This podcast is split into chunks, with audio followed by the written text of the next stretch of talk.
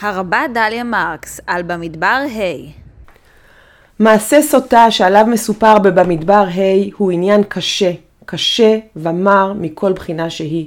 גבר מקנא לאשתו, חושד שהיא קיימה יחסי מין עם גבר אחר, אין עדויות לדבר, אבל יש חשד, והתורה מציעה תהליך טקסי שבאמצעותו יתגלה אם האישה אכן חטאה, או שמא טהורה היא. התורה מתחילה בנימה של ודאות, איש איש כי תסטה אשתו ומעלה בו מעל. אבל הפרשה מסתיימת בנימה אחרת לגמרי. זו תורת הקנאות אשר תסטה אישה תחת אישה ונטמעה. או איש אשר תעבור עליו רוח קנאה וקנא את אשתו. כלומר, גם אם אין כל ודאות, או אפילו יסוד סביר לחשד. פשוט אדם אשר עברה עליו רוח קנאה, והוא מבקש לצאת מהספק הכוסס אותו בלי קשר למעשיה של האישה. הטקס עצמו כולל הבאת האישה אל הכהן בבית המקדש, והקריב אותה הכהן והעמידה לפני אדוני. שימו לב לבחירה הלא מובנת מאליה בפועל הקריב, הוא מקרב אותה אל הקודש, אבל היא גם קורבן לחשדותיו. הכהן משקה את האישה מים, מים מרים מאררים, מים קדושים שאותם הוא מערבב באפר מקרקעית המשכן, ומזהיר אותה שאם לא תאמר אמת היא תהיה לאלה, כלומר לקללה, והמים יחוללו בה תופעות רעות וקשות.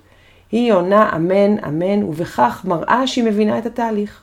אם נמצא שהאישה אומרת אמת, ושהיא לא בגדה, לא סטתה מבעלה, אזי לא יקרה לה דבר, והיא אפילו תזכה לפרי בטן, ונזרעה זרע. ואם אם לא, כאמור, היא תיענש חמורות.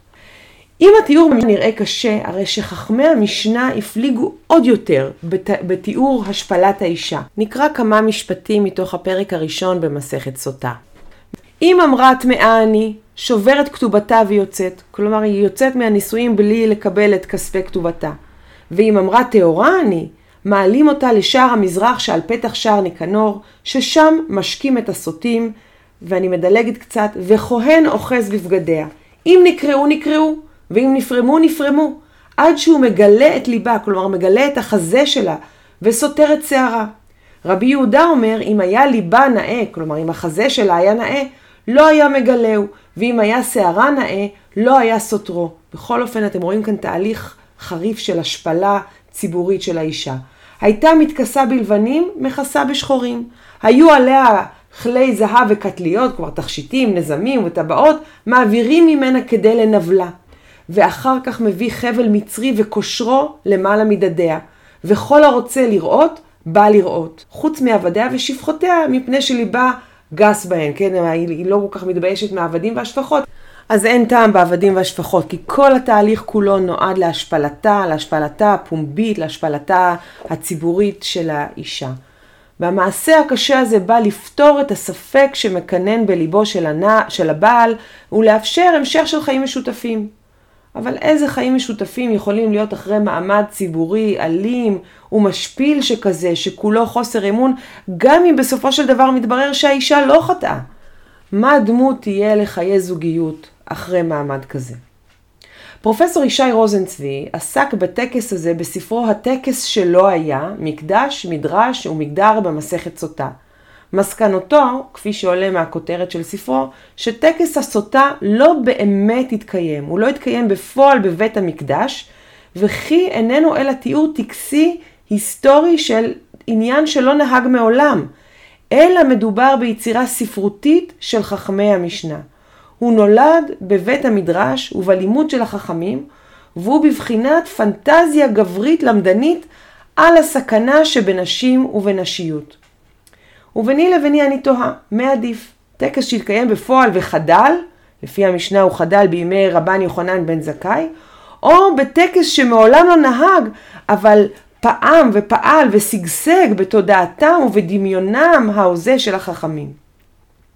גם בימינו אנחנו רואים ורואות את פרי הביאושים של חשדנות, לעתים חשדנות רצחנית של גברים בבנות זוגם. חשד הוא דבר טבעי ומובן, ואי אפשר באמת לפתור אותו, אי אפשר באמת להסתלק מן הספק. חוסר ודאות הוא חלק מתנאי הקיום האנושי. במידה מסוימת נועדנו כולנו לחיות עם חשדות ועם ספקות כוססים, וזה בהקשר זוגי ובכל הקשר שהוא. יש לנו בעצם חוסר ודאות טוטאלית בכל עניין ועניין שאנחנו נוגעים בו. ואם אמונה באל איננה דבר פשוט, הרי שאמונה בבן אנוש, בבן או בת זוג, בצאצאים, באחאים, בשותפים ושותפות, היא עניין קשה אפילו יותר, אבל נחוץ לא פחות. תרופה נגד חשדנות כוססת וחולנית איננה טקס זה או אחר, ובוודאי לא טקס משפיל ואלים כטקס הסוטה, אלא השקעה סבלנית ואוהבת במערכת יחסים והשתתת זוגיות או כל מערכת יחסים שהיא על שיחה פתוחה, על נכונות לשתף ולהתמודד עם קשיים. שום טקס לא יפתור את ספקותינו הקיומיים וספקותינו לגבי היקרים לנו, אלא בניית עם אמון תהליכית, איטית, לפעמים מכאיבה, לפעמים מכעיסה, מתוך אהבה וכנות.